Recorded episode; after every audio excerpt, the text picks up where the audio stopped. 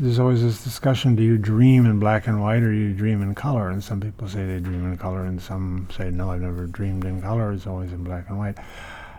On that subject, I really have no expertise or understanding of it, but I do think that you know when I'm looking uh, out the window, it's all in color. But if I'm starting to think about the trees and the birds and the building and whether that's interesting for me to go look around for shooting, uh, it's it's not in color. I mean, I'm not looking at the colors when I shoot. I'm looking at the structure.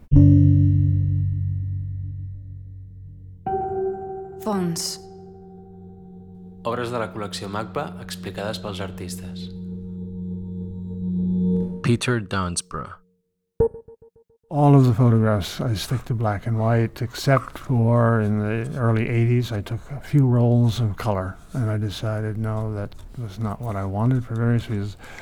Um, the the reasons for the black and white was a I like it, and I feel the the um, texture and, and, the atmosphere in it are, are, what appeal to me too. In that, but the basic thing is uh, the color color is very seductive, and you start looking at the color and this, and you forget the form. Black and white is really about thinking, and color is about seeing. So you sort of start seeing the colors, and you you get shifted around or pulled to this part or that part of a photograph, partially because of the color, not because of the structure, or not because of what's happening so much. So with the with mine, I've just stayed in black and white after a small experiment with the color. But I must say, the color that I did do, I used daylight film at night, so all the colors are deformed. the photography is really just one aspect of the work, and it was not. Um, it was not the directional aspect of it that started everything off. So it's a, it came out of the activities of uh, being an artist and recording and documenting that led to the photos, which is a whole branch and arm itself. So it's a little funny to think of starting starting to talk with the photograph about the photographs in terms of the work. I didn't have to take photographs. I thought, well, I should take photographs because everybody documents what they do.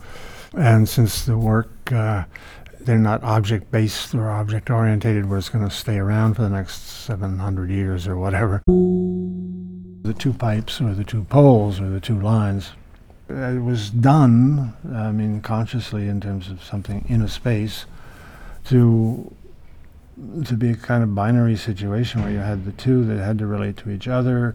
You uh, there was not a question of composition because the the parameters, the the size of the pipe, the distance between the pipes was a given, and the length of one pipe was always a given. The other pipe was cut depending on whatever mood, moment it was thought in terms of where it's being put up, it made sense to be that size to relate to other other aspects of the environment. The same with the two poles, which are interior pieces, but they are one hangs from the ceiling and one is from the floor, and they have to overlap.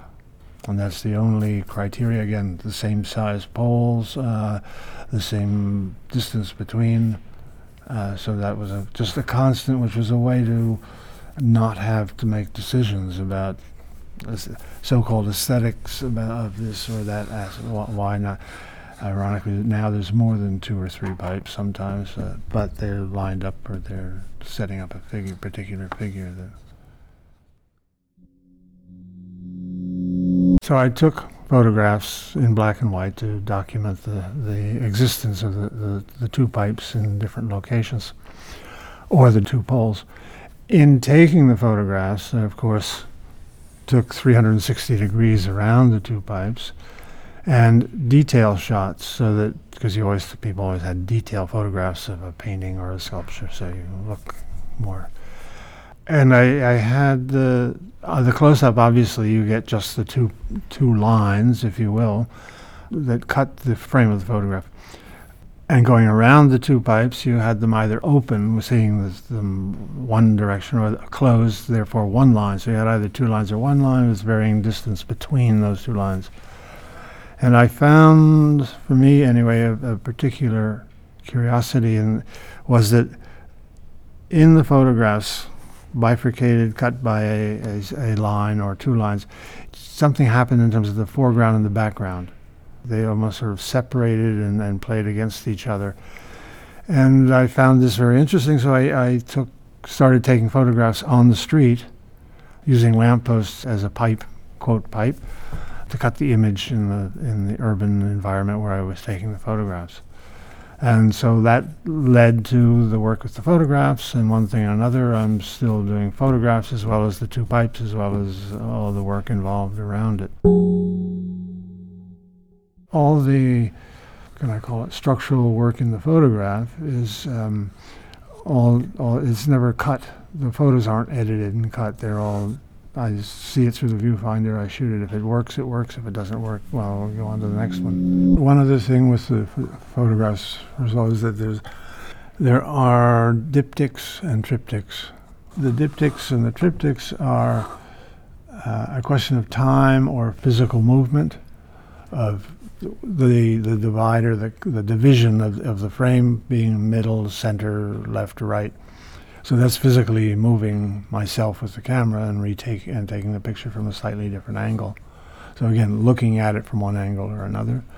Uh, the other are where it hasn't moved, but there's time elapsed. So something in the background has moved, or sometimes not moved, in fact, but there's still a different photograph. And so it's a different. This is a time sequence situation.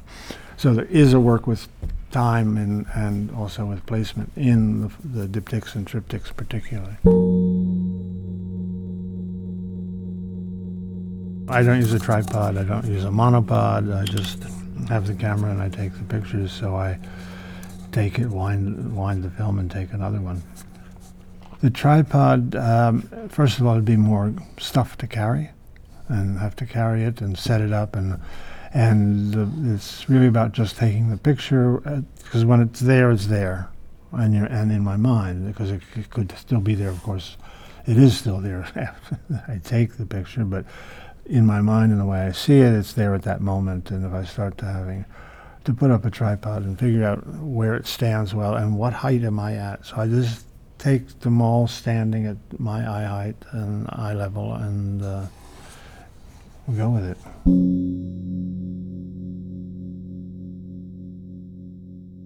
Or you have a funny thing happening where all of a sudden something you've been doing over the years becomes some kind of strange documentary of what was as opposed to what is because it's no longer I mean, it's basically like that, but the buildings on the left are not there. The building on the right is still unrenovated. Um, and of course, the cars are a little different.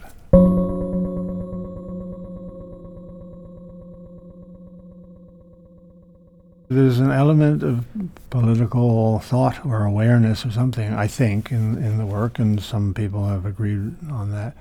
Um, there are other people whose work is much more overtly political. And I also, the city, for example, and architecture, which I also was inter- have been very interested in and studied for a while, it's an environment. It's, it's, for me, it's nature, and I would like to see all the trees in the city gone because I can't see the buildings. For me, the natural environment is the city, it's not the country. It's nice to go to the country from time to time, but the city is, is what's, is, na- is nature, really. Uh, can't I couldn't live without the city. And in fact, the buildings are constructed and built in such a way as to create an urban environment, but also for controlling people and, and situations that might or might not occur, either demonstrations or whatever else as, as well. So it, you know, the, there is that aspect of a city which I, I embrace on one hand, but I find, of course, is if it's in the hands of certain people, then it's uh, difficult to live with it. it's another lamppost in the city, or, or a signpost uh, situation. That, yeah, and that that's fine with me. I quite like that. I'm not, no problem with uh, people seeing part of it now and then another part then. And I mean, in Brussels, I have a there is a large piece. Uh, in fact, between the two ends of the and the elements uh, is about 400 meters. So there's no way you're going to really see them all. And there are people who don't see it for, for some time. There are people who say, "What? You have a piece there? I never saw it." And that's that, I somehow for me I, I like that idea that you some people see it right away and then uh, I can say something and somebody else sees it. It's a it's a work I that I would like to think interacts and and becomes part of the environment that it's that in, w- in which it's placed so that you have either an interior space in either a museum, private home, or whatever kind of building, or the exterior spaces where this large works in, in public. And yes, people at times don't notice it, or it takes a little time to notice it. And then, because you're walking down the street, I mean, you don't see everything that's happening. There's all kinds of architectural details that might be there that some friend has and says, Oh, did you notice this and that on this building? No, I never saw it. Um, I think that happens with things in general, even if it's an equestrian statue or a, a large contemporary sculpture or mine pipes or the it, you you see it, you perceive it at different times in different ways, and especially with my work anyway, because it's not a, it's not object centered, and there's a, a pipe here and a pipe there, or a word here and a pipe there, and you you do move through it, so you may not see part of it, or you certainly may not see all of it at one time. You know, coming from another angle, another direction, you see the other. So it's it's an ongoing story. It's not something that is one time. Ah, okay, great, great, not great. We move on to something else. So you're going through it. It's the coming and going with with your comings and goings.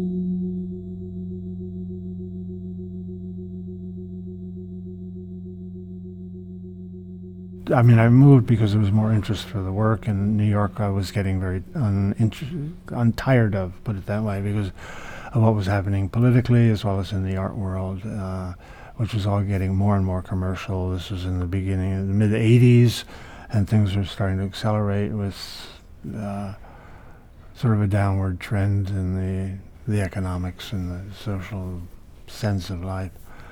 Um, so I, I had, and the, but the first trip that I ever took on my own, and in any way, was was to Europe. All my friends were trying to hitchhike to California because it was uh, the beginning of that whole situation. And in America, people were hitchhiking all over the place, particularly New York, California, and back because that was the big, the big deal. But I managed to get a job on a boat, and I came to Europe for some time. And when I was 18, 19, I guess.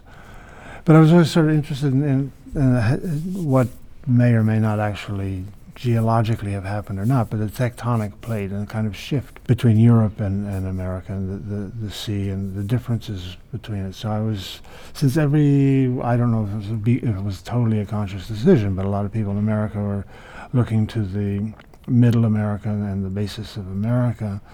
And I was looking to Europe as a place where, in fact, a lot of that had come. Now there was a rupture or change of mentality, an assimilation factor, or whatever that when people in those days, that long ago, emigrated to America, they all wanted to become American, but that was also, in a certain sense, they had no choice. Yeah, but there's not the same need for assimilation in Europe. Also, the distances are so much smaller. You, you, even if you emigrate, you, it takes you some years to get really going or have any extra cash to travel with or do things with in Europe. I mean, you, you it's hardly a trip to go to Morocco or to go to uh, Syria or something. I mean, but in America, if you've emigrated to America and you're sitting in the middle of the country, and you have to get from there to Syria or there to Morocco or there to even to Europe or Italy in the classic old days, they, you just didn't. They, people didn't travel. I mean, when was the last time you were on a plane that it was only half full or half, or half empty, depending on which way? Today, uh, I used to be always. The planes were never full when I was your age, as it were, or when I was. But today, I, my goodness, there's, there's, you got to fight to get a seat.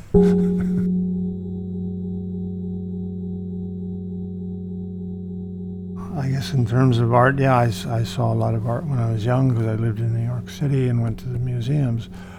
And I was interested in architecture. And I guess the part of that interest that uh, has lasted is the question of space and, and dealing with space. And so the work, in the, not in an architectural sense, because it's not functional in an architectural sense, it doesn't function in an architectural sense. It functions in a s- sculptural time object kind of um, sort of environment. That's why I still talk of sculpture, and it seems somehow, in terms of my thinking or the the way the work is developed, that yes, I can do various different. Uh, I have various options. That it can be either in a, in a space here, it can be on a, a fixed space on the side of a building. There's small pieces that can are bar pieces or wall pieces that can be here or there, and there's a lot of work on paper. There's the books, there's the photographs, there's a little bit of work with film, a little bit of work with audio. So the the basic uh, ideas behind the work seem to allow me to to be able to function in other areas that are not separate from the core. They, they actually all intertwine together and reinforce each other.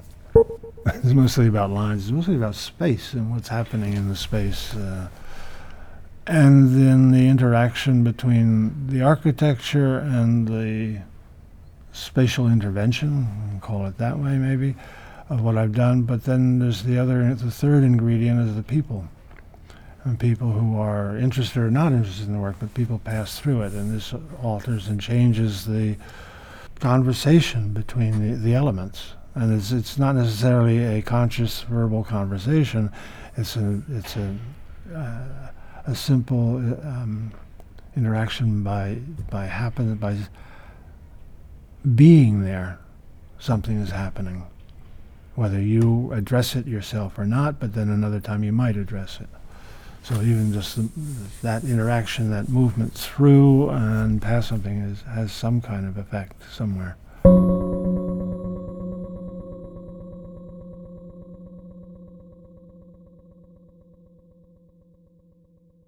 They're words, they're letters, they're, they're an object. The objects get moved around here or there to, to satisfy a, a need. I'm taking the words out of their normal, habitual context, which is a sentence. The actual meaning and nuance of the word is defined, or art, not defined, sorry, is articulated by the rest of the sentence and, and set up because any most words anyway have subtleties of meaning and can depending even on how you how you say it can mean something quite different.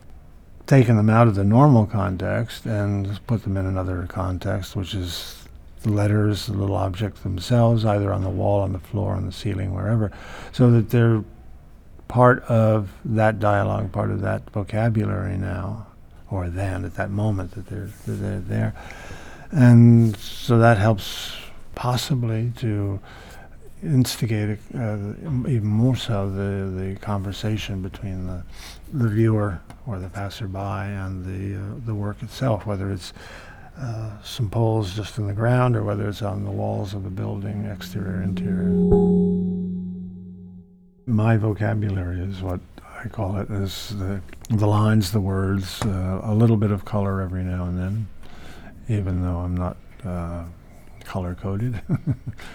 so it's uh, yeah. I just think of, uh, of it as my vocabulary. So I'm living in this sort of environment of my vocabulary that I then introduce here or there in, in, in a gallery, in a museum, on the street, in a book. Uh, as uh, you, you mentioned the books, so the books are another area which uh, with within I, I managed to be able to work because I, I see the book as first of all as a volume in, in the spatial sense of a volume, and we even talk about books, or at least in English, as a volume.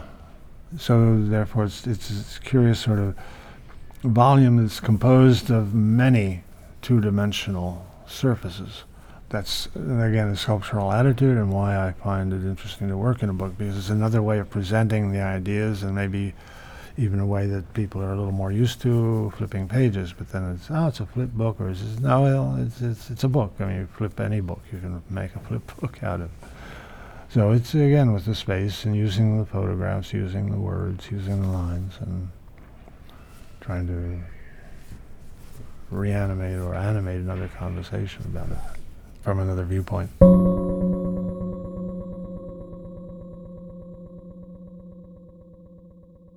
I, I realized after years studying in architecture, or a little more, that I was not mondain in French, um, and mondanité is very important in architecture.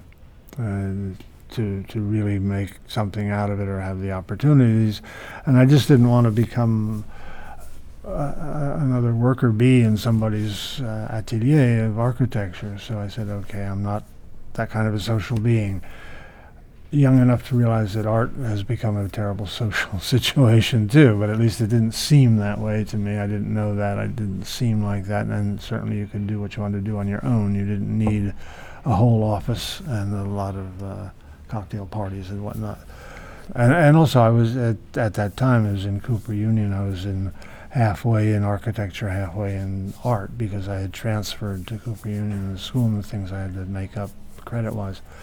So it was, um, said, no, okay, I'm going to do this. And I had already been involved or interested in art. It wasn't like it was something out of the clear blue sky. I mean, I s- knew the work of Medardo Rosso, which I found very interesting. Um, uh, Giacometti, uh, David Smith, these are all people. Plus, I had been in living in New York, so I, I was at museums often and seeing paintings and other work. So it wasn't an, a, a totally alien or unknown situation that way. It was part of it, and I, you know, you have from the architecture with the, with with Mies, with Frank Lloyd Wright, etc. You know, it was it was all there as well.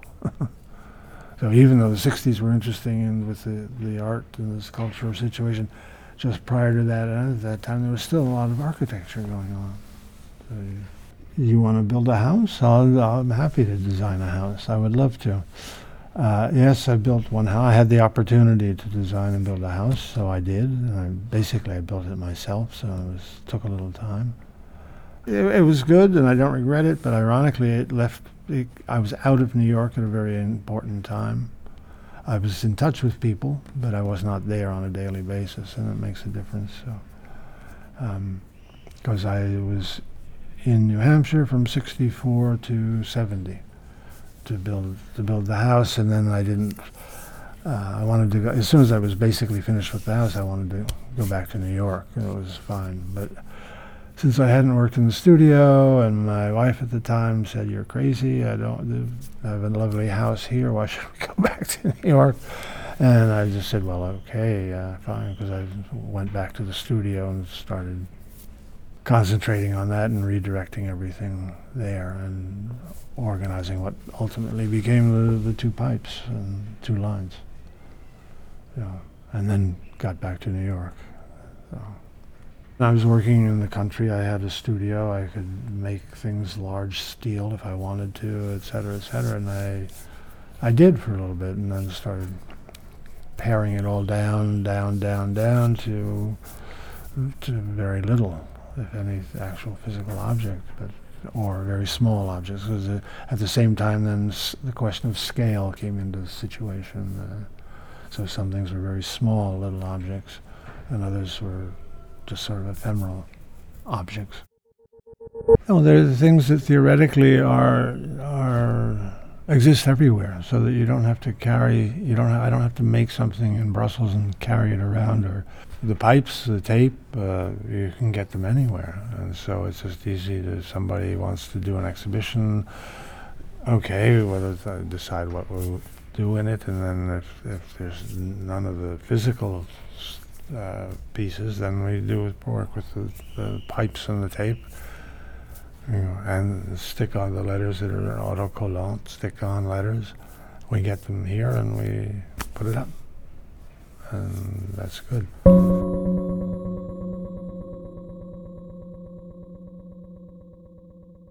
Ah, the, the tyranny of naming things, uh, needing a handle.